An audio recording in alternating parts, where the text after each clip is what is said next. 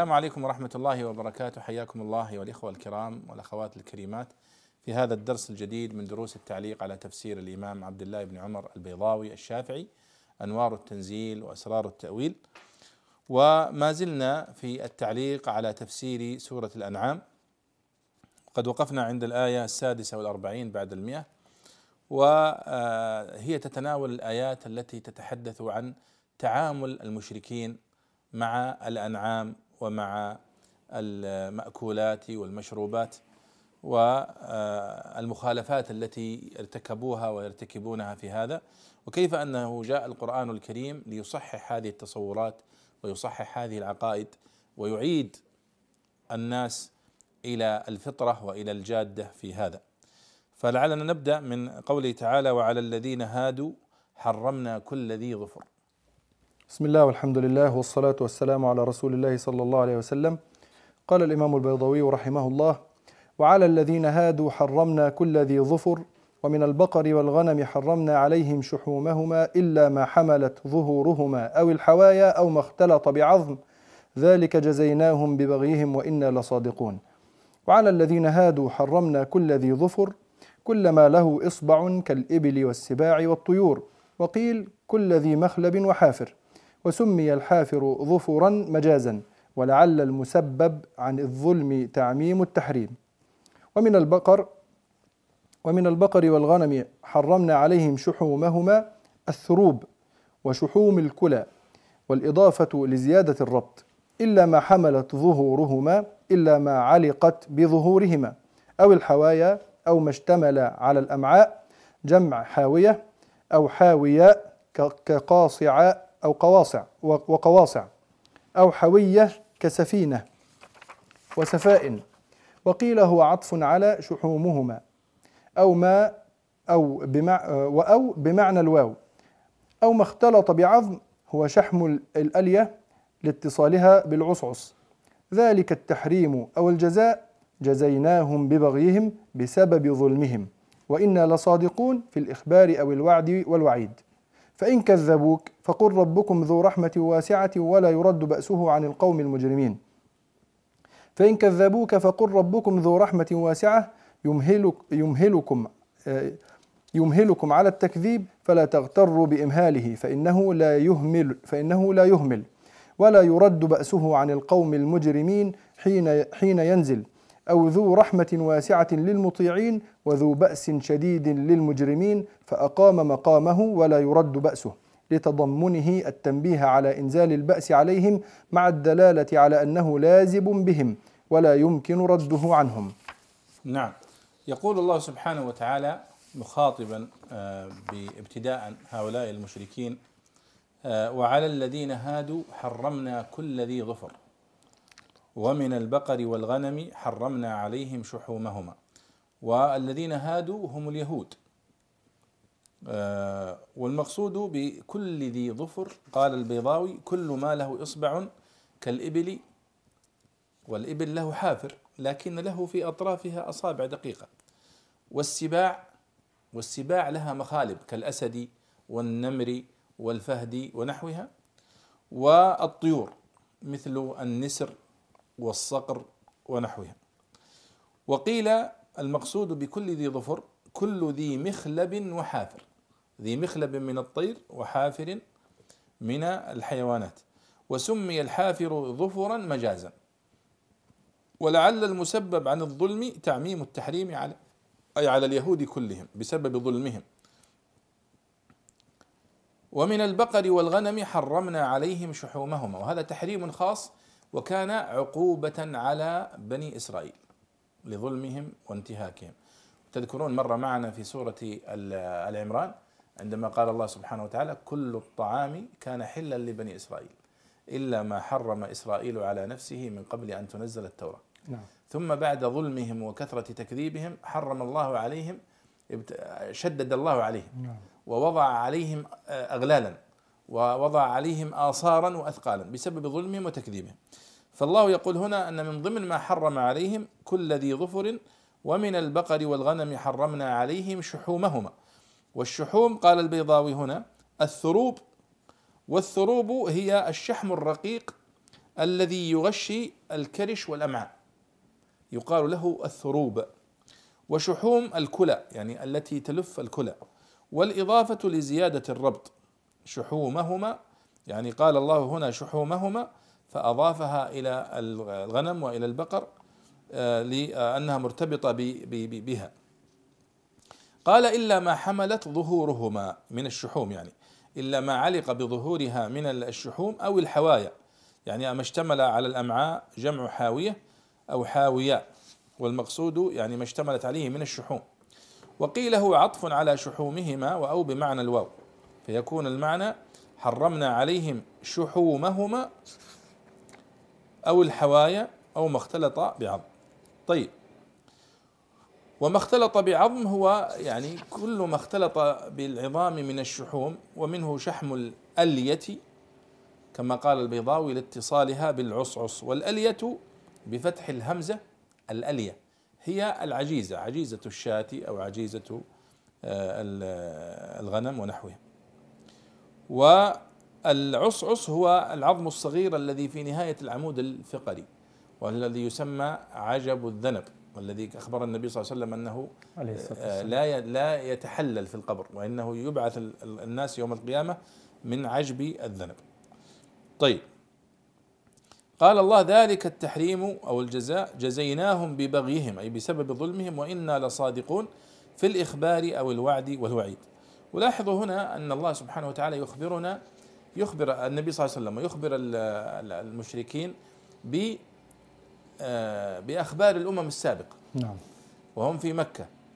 فكأنه يقول أنتم قد آه، افتريتم على الله بتحريم ما أحل الله وتحليل ما أحرم الله فأنتم تدعون وتفترون على الله الكذب في تحريم ما أحل من الأنعام أو من بعضها أو من لحومها أو نحو ذلك. وكذلك قد سبقكم اليهود فصنعوا مثل هذا. فهذا نوع فيه نوع من من تسلية النبي صلى الله عليه وسلم إلى أن ما يأتيه قومك من التكذيب ومن الافتراء على الله قد سبقهم إليه اليهود وغيرهم. نعم. فإن كذبوك فقل ربكم ذو رحمة واسعة ولا يرد بأسه عن القوم المجرمين. يعني فإن كذبوك يا محمد فقل إن الله سبحانه وتعالى ذو الرحمة الواسعة أي يمهلكم. سبحانه وتعالى بسبب تكذيبكم فإنه يمهلكم ولا يعاجلكم بالعقوبة فلا تغتروا بإمهاله فإنه سبحانه وتعالى يمهل ولا يهمل ولا يرد بأسه عن القوم المجرمين حين ينزل بهم. فمعنى ذو رحمة واسعة أي للمطيعين وذو بأس شديد للمجرمين. وقوله ولا يرد بأسه يعني لتضمنه التنبيه على إنزال البأس عليهم مع الدلالة على أنه لازب بهم. لازب مثل قولنا لاصق أو ملازم أو لازق بهم. لا يمكن رده عنهم وهذا طبعا هو تهديد ووعيد لهؤلاء المكذبين بأن الله سبحانه وتعالى إذا جاء بأسه فإنه لا يرده أحد. نعم. قال رحمه الله سيقول الذين أشركوا لو شاء الله ما أشركنا ولا آباؤنا ولا حرمنا من شيء. كذلك كذب الذين من قبلهم حتى ذاقوا بأسنا. قل هل عندكم من علم فتخرجوه لنا؟ إن تتبعون إلا الظن وإن أنتم إلا تخرصون. سيقول الذين أشركوا إخبار عن مستقبل ووقوع مخبره يدل على إعجازه. ولو شاء الله ما أشركنا ولا آباؤنا ولا حرمنا من شيء أي لو شاء خلاف ذلك مشيئة ارتضاء كقوله فلو شاء لهداكم أجمعين. لما فعلنا نحن لما فعلنا نحن ولا آباؤنا أرادوا بذلك أنهم على الحق المشروع المرضي عند الله تعالى. لا لا الاعتذار عن ارتكاب هذه القبائح بإرادة الله إياها منهم حتى ينهض ذمهم به دليلا للمعتزلة. جميل. ويؤيد ذلك قوله كذلك كذب الذين من قبلهم أي مثل هذا التكذيب مثل هذا التكذيب لك في أن الله تعالى منع من الشرك ولم يحرم ما حرموه كذب الذين من قبلهم الرسل وعطف آباؤنا على الضمير في أشركنا من غير تأكيد للفصل بلا حتى ذاقوا بأسنا الذي أنزلنا عليهم بتكذيبهم. قل هل عندكم من علم من أمر معلوم يصح يصح الاحتج- الاحتجاج به على ما زعمتم فتخرجوه لنا فتظهروه لنا؟ إن تتبعون إلا الظن ما تتبعون في ذلك إلا الظن وإن أنتم إلا تخرصون تكذبون. تكذبون على الله تعالى وفيه دليل على المنع من اتباع الظن سيما في الأصول ولعل ذلك حيث يعارضه قاطع إذ الآية فيه. نعم. سيقول الذين أشركوا لو شاء الله ما أشركنا ولا آباؤنا. الله سبحانه وتعالى أخبر النبي صلى الله عليه وسلم في هذا القرآن الكريم بأمور ستقع في المستقبل وقد وقعت. ولذلك يقول البيضاوي هذا سيقول الذين اشركوا هو إخبار عن مستقبل. ووقوع مخبره يدل على إعجازه. وهذا الذي يسميه بعض المؤلفين المعاصرين الإعجاز الغيبي للقران الكريم. هذا نوع منه. فالإعجاز الغيبي يقصد به ال- ال- العلماء الغيب الذي أخبر الله به في القرآن الكريم سواء كان غيبا من الماضي السابق على النبي صلى الله عليه وسلم الذي ما كان يعلمه. ما كنت تعرفها تعلمها أنت ولا قومك من قبل هذا. وإما المقصود به الغيب الذي سيأتي ثم تحقق ووقع كما أخبر الله به. فهذا منه. يقول هؤلاء المشركون كذبا ودعوة باطلة. سيقول الذين أشركوا لو شاء الله ما أشركنا ولا آباؤنا. ألست تقول يا محمد أن لا يخرج شيء عن مشيئة الله؟ نعم. نحن آه، مشركون لأن الله شاء لنا أن نكون مشركين. فيعتذرون بهذا. لو شاء الله ما أشركنا ولا آباؤنا يعني ولا أشرك آباؤنا من قبل ولا حرمنا من شيء بغير حق.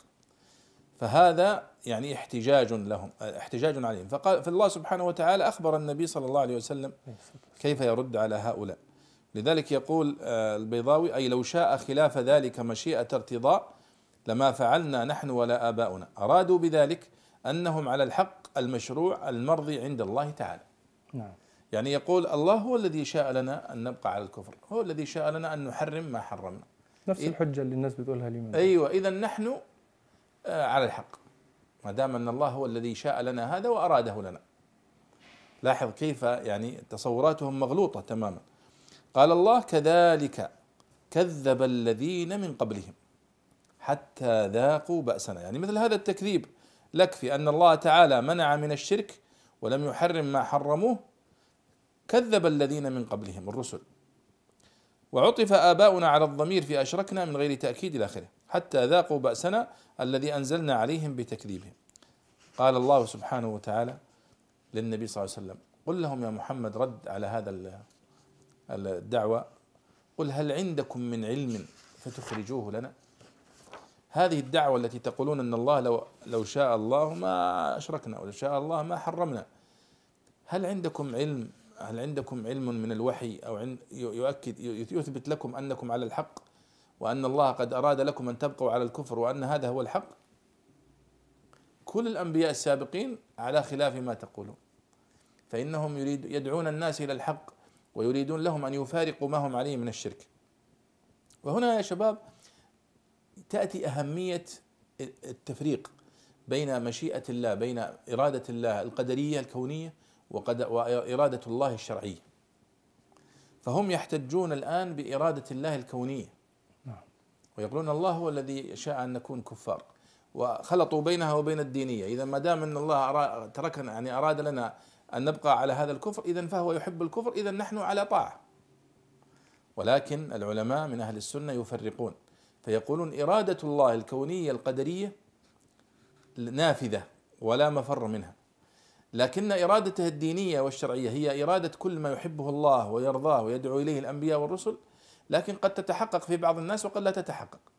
فمثلا إيمان فرعون أراده الله شرعا ودينا ولكنه لم يرده كونا وقدرا. فما وقع ولم يؤمن. إيمان أبي جهل أراده الله شرعا ودينا. ولكن لم يرده كونا وقدرا. فما آمن؟ إيمان أبي طالب. أراده الله شرعا ودعاها النبي صلى الله عليه وسلم للإسلام وحرص على ذلك. لكنه كونا وقدرا ما أراده. فوقع. ما أراده كونا وقدرا. لكن أبو بكر الصديق أراد الله شرعا ودينا أن يسلم وأراد ذلك كونا وقدرا فأسلم. نعم. وآمن. فلا بد من التفريق بينهما حتى لا نقع فيما وقع فيه هؤلاء المشركون. فالله يقول للنبي صلى الله عليه وسلم قل هل عندكم من علم؟ يعني من أمر معلوم يصح الاحتجاج به على ما زعمتم. فتخرجوه لنا فتظهروه لنا. إن تتبعون إلا الظن. والظن هنا هو الوهم الظن الكاذب الزعم الذي لا دليل عليه. لأن الظن في القرآن الكريم قد ورد بمعنى اليقين أيضا. وقد ورد بمعنى الوهم والتخرص الذي لا دليل عليه ولا حقيقة له. وإن أنتم إلا تخرصون أي تكذبون على الله تعالى. قال البيضاوي وفي الآية وفيه دليل على المنع من اتباع الظن سيما في الأصول. ولعل ذلك حيث يعارضه قاطع إذ الآية فيه. يعني الآية ترد الزعم بأنهم على الحق وهم على الكفر. ويقولون أن الله أراد لنا أن نكون هكذا إذا نحن على الحق. فهذا ظن باطل وكذب. وظن لا دليل عليه. قال البيضاوي إذا هذه الآية دليل على أنه لا يجوز اتباع الظن خاصة في الأصول. وكأنه يشير إلى مسألة لأن كثير من الأحكام الفقهية مبنية على غلبة الظن وليس على اليقين التام. فمثلا إذا دخل وقت المغرب يكفي أن يغلب على ظنك أنه دخل وقت المغرب فتصلي المغرب أو تؤذن. يكفي أن يغلب على ظنك أنه أشرقت الشمس. يعني الآن يا شباب لو أشرقت الشمس وأراد الواحد منا أن يصلي ركعتين بعد صلاة بعد الفجر فينتظر حتى تشرق الشمس ثم ترتفع قيد رمح. هل رأيتم أحد يعني يجلس يقيس؟ يقيس ويشوف هل هي قيد رمح لا. وإنما يغلب على الظن أنه بعد شروق الشمس بربع ساعة تكون قد ارتفعت هذا المقدار نعم. فيصلي. طيب واحد صلى بعد 12 دقيقة نقول لا اصبر باقي ثلاث دقائق لا. وإنما هذه مبنية على غلبة الظن. فكان البيضاوي يقول لا يجوز اتباع الظن في الأصول وإنما ممكن في الفروع الفقهية نعم. وفي بعضها نعم. هذه مسألة أصولية يا شيخ؟ هذه مسألة أصولية. أه، لها قاعدة معينة؟ نعم أن يعني اليقين اليقين لا يزول بالشك وأنه دائما ما ثبت بيقين لا يزول إلا بيقين. لكن في آه، بعض المسائل وفي بعض العبادات يكفي فيها غلبة الظن كما قلت لكم. في آه، حتى في الصلاة مثلا لو غلب على ظنك أنك صليت ثلاث ركعات شكيت هل صليت ركعتين أو ثلاث فتبني على اليقين تقول إذا آه، ركعتان هذه أكيد أني صليتها. نعم. فتبني عليها. نعم. وهكذا يعني بقية الأمور. لأنك لو كلفت المسلم أو الإنسان أنه يبني دائما على اليقين في كل صغيرة وكبيرة لكان في ذلك مشقة عليه. نعم. قال رحمه الله قل فلله الحجة البالغة فلو شاء لهداكم أجمعين. قل فلله الحجة البالغة البينة الواضحة التي بلغت غاية المتانة التي بلغت غاية المتانة والقوة على الإثبات أو بلغ بها صاحبها صحة دعواه وهي من الحج بمعنى القصد كأنها تقصد إثبات الحكم وتطلبه. فلو شاء لهداكم أجمعين بالتوفيق لها والحمل عليها ولكن شاء هداية قوم وضلال آخرين. نعم يا سلام. هذه الآية آية عظيمة. فلله الحجة البالغة. الله سبحانه وتعالى قد بين في هذا القرآن العظيم وبين لأنبيائه الكرام عليهم الصلاة والسلام بيانا شافيا قاطعا لكل معاند. ولذلك لم يهزم لم يهزم أولياء الله وأنبياؤه ورسله عليهم الصلاة والسلام ابدا في مو في ميدان الحجة والدليل والبرهان. نعم. ابدا. لكنهم قد يهزمون في ميدان القتال إما لقلة أو لأي سبب اسباب أما في ميدان الحجة والاحتجاج فهم دائما منتصرون. فالله يقول قل فلله الحجة البالغة. الحجة التي زود الله بها أنبياءه لا يمكن ابدا نقضها. فلو شاء لهداكم أجمعين. فالحجة هنا هي البينة الواضحة. المنيرة. ويقول البيضاوي وهي من الحج بمعنى القصد. اذا الحجة مأخوذة من الحج بمعنى القصد كأنها تقصد إثبات الحكم وتطلبه. فلو شاء لهداكم أجمعين سبحانه وتعالى بالتوفيق لها والحمل عليها. لكنه سبحانه وتعالى لحكمته شاء هداية قوم فهداهم وشاء إضلال قوم فأضلهم. بحكمته وبعلمه وبعدله ونحن لدينا قصور في العلم فلا نتصور ولا نعرف أسرار أسرار وحكمة الله سبحانه وتعالى في هذا. لكننا ندرك هذه الحكمة ونؤمن بها ونسلم لها. ومبدأ يا شباب مبدأ الإيمان بالله سبحانه وتعالى مبني على التسليم لأوامره والانقياد التام. ولذلك مضمون لو أردت أنك تلخص الإسلام لامكنك أن تلخصه في كلمة الاستسلام والانقياد. نعم, نعم. قال رحمه الله قل هلم شهداءكم الذين يشهدون أن الله حرم هذا؟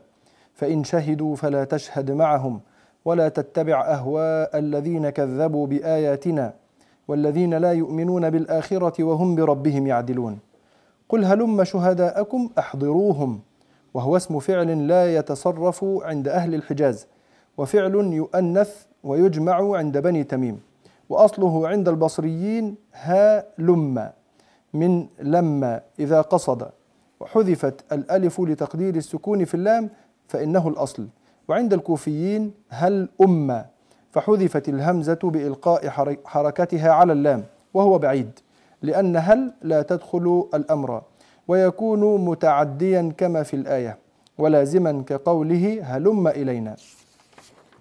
الذين يشهدون أن الله حرم هذا يعني قدوتهم فيه استحضرهم ليلزمهم الحجة ليلزمهم الحجة ويظهر بانقطاعهم ضلالتهم وأنه لا متمسك لهم كمن يقلدهم. ولذلك قيد الشهداء بالإضافة ووصفهم بما يقتضي العهد بهم. فإن شهدوا فلا تشهد معهم فلا تصدقه فلا تصدقهم فيه وبين لهم فسادهم. فإن تسليمهم موافقة لهم في الشهادة الباطلة.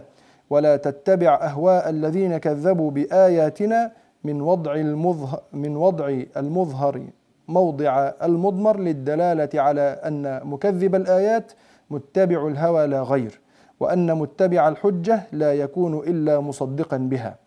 والذين والذين لا يؤمنون بالآخرة كعبدة الأوثان وهم بربهم يعدلون يجعلون له عديلا. نعم.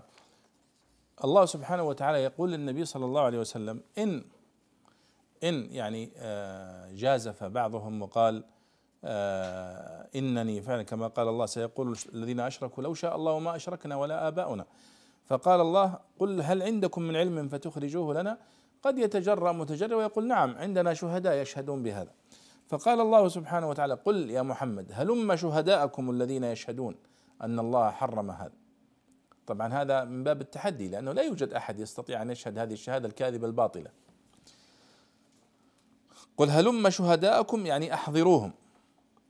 فكلمة هلم هي اسم فعل. هلم يعني أحضر. تعال. وهو اسم فعل لا يتصرف عند أهل الحجاز بمعنى أنه لا يثنى ولا يجمع. وفعل يؤنث ويجمع عند بني تميم. وأصله عند البصريين ها لم من لما إذا قصد وجمع. حذفت الألف لتقدير السكون في اللام. وعند الكوفيين هي أصلا هل أم. ها لم عند ابن تميم وعند البصريين يقولون أصلها ها لم من اللم حذفت الألف إلى آخره. ومن عند عند الكوفيين هل الاستفهامية أم فحذفت الهمزة بإلقاء حركتها إلى آخره. فإذا هذا معنى كلمة هلم شهداءكم. الذين يشهدون أن الله حرم هذا يعني قدوتكم فيه رؤساءكم الذين يشهدون ويزعمون هذا الزعم. استحضرهم ليلزمهم الحجة ويظهر بانقطاعهم ضلالتهم وأنه لا متمسك لهم كمن يقلدهم. ولذلك قيد الشهداء بالإضافة يعني قال شهداءكم. طيب فإن شهدوا فلا تشهد معهم. يعني إن تجرأوا وكابروا وأقدموا على مثل هذه الشهادة الكاذبة من يشهد أن الله حرم هذا ولم يحرم هذا وهم لم يطلعوا ولم يرسل إليهم أحد بهذا وليس لديهم كتاب سماوي بهذا فهي لن يتجرأ أحد. لكن فإن شهدوا فلا تشهد معهم يا محمد أي فلا تصدقهم فيه وبين لهم فساده وكذبه. فإن تسليمهم يعني التسليم لهم بذلك موافقة لهم في الشهادة الباطلة. ولا تتبع أهواء الذين كذبوا بآياتنا. قال هذا من وضع المظهر موضع المضمر. يعني ولا تتبع أهواء الذين كذبوا. وكان بالإمكان أن يقول ولا تتبع أهواءهم. لكنه أظهر كلمة الذين كذبوا. لماذا؟ قال للدلالة على أن مكذب الآيات متبع الهوى لا غير وأن متبع الحجة لا يكون إلا مصدقا بها.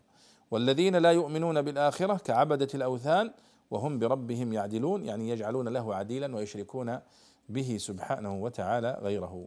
وهذه كلها كما تلاحظون استدلالات عقلية منطقية قوية ملزمة لهؤلاء المشركين المكذبين الذين يفترون على الله الكذب. وكما مر معنا في دروس سورة الأنعام أنها مليئة بالحجج العقلية الواضحة الباهرة التي ذكرها الله سبحانه وتعالى ولقنها وعلمها للنبي صلى الله عليه وسلم حتى يلجم ويفحم هؤلاء المكذبين المعاندين. نسأل الله سبحانه وتعالى أن يفقهنا جميعا في كتابه الكريم وأن يجعلنا وإياكم ممن يستمعون القول فيتبعون أحسنه. ولعلنا نكتفي بهذا يا شباب في هذا المجلس ونكمل إن شاء الله في الدرس القادم. والسلام عليكم ورحمة الله وبركاته.